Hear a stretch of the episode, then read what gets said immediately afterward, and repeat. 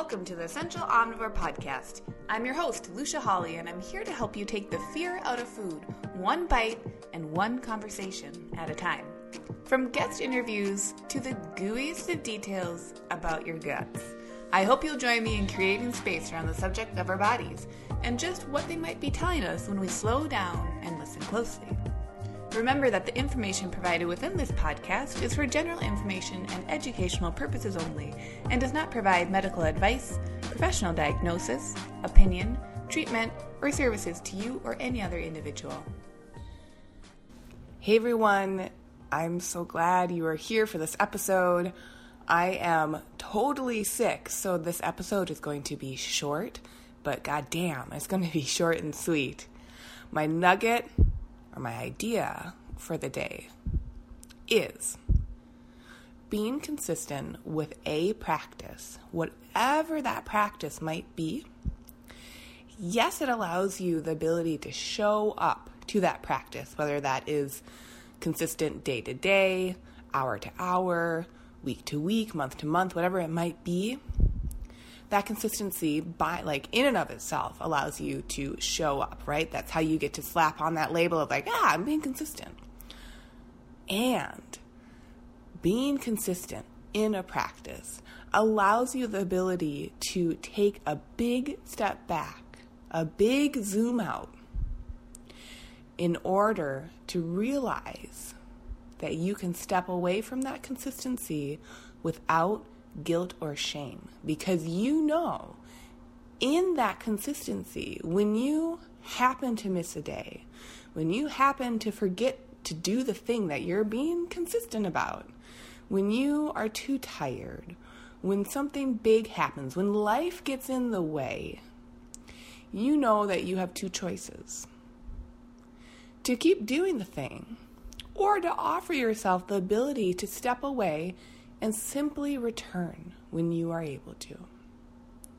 That ability to simply return, that zoomed out view of consistency, is the other side of the beauty of consistency.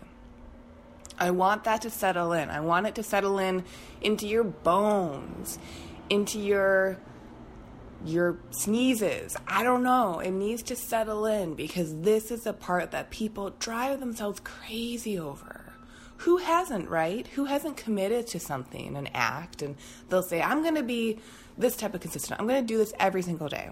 I'm going to work out every single day.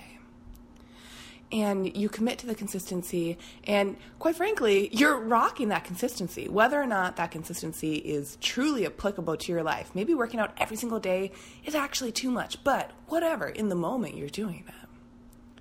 You do it until you become dog tired and you blame that dog tiredness on yourself and the fact that you're weak and lazy, and this is why you aren't working out every single day. Historically, like this is why you deserve the punishment of working out every single day. And you know you deserve that punishment, but then you stop because you're dog tired. You stop, and then the next day you stop. And the day after that, you are still stopped. And the day after that, well, now it's a weekend, so of course you're stopped. And the week turns into the weekend, turns into the next week, turns into the month, turns into the quarter, turns into the season, and you're terrified to start again. I'm talking about working out, but this could be any act. This could be feeding yourself. This could be feeding yourself the foods that you are more curious about feeding your, to yourself. Maybe they're more nourishing. Maybe it's the consistency of stepping away from a diet. Maybe part of your consistency is having flexibility around the foods that you're eating. Maybe the thing that you're trying to be consistent around is mindfulness. Maybe it's sitting down and meditating. Listen, meditation looks easy. You see someone sitting there and their eyes are mostly closed and they're being quiet. Well, what could be easier? Not much. Have you tried sitting down and being quiet in our modern world and allowing your thoughts to flow through you without attaching to them? That's no small feat whatever it is that you're trying to be consistent about. It's a sleep habit. You know, we can rattle off a whole long list. Maybe it's being kinder to others. Maybe it's being kinder to yourself. Maybe the habit is not letting yourself only judge yourself. Maybe it's adding in a new phrase to every phrase of judgment. whatever it is, I want you to feel deeply instilled in yourself, in those dang sneezes. I want you to know that when you are offering yourself consistency, consistency with something, yes, the consistency is part of the deal. But the other part of the deal is that that consistency gives you an ability to have flexibility when something happens because it allows you to step back and say, I've been doing this and I can reclaim doing this at any point. So I want you to sit and chew and think on that for a while. And notice if some of the habits that you've offered to yourself or you've wanted to develop or you've wanted to show up to, you've wanted to have that consistency around, if those keep crumbling and breaking, or they feel like they're crumbling and breaking, can you step back and notice are they really? Or are you simply having your life? And in that life, there are going to be dips and pauses that are natural and appropriate.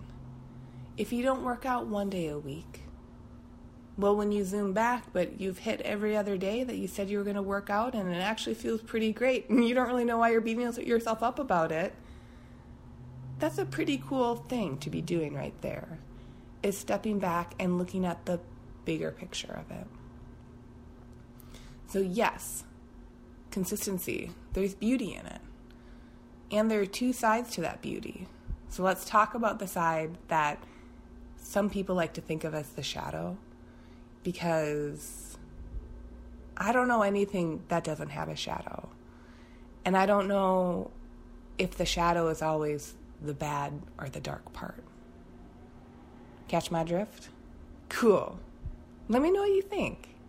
Thanks for being here for a shorter episode. I hope it was short and sweet and to the point. Now I'm going to go blow my nose a lot. I hope you're not, but if you need to, I hope you have some nice soft Kleenex or tissue paper with you.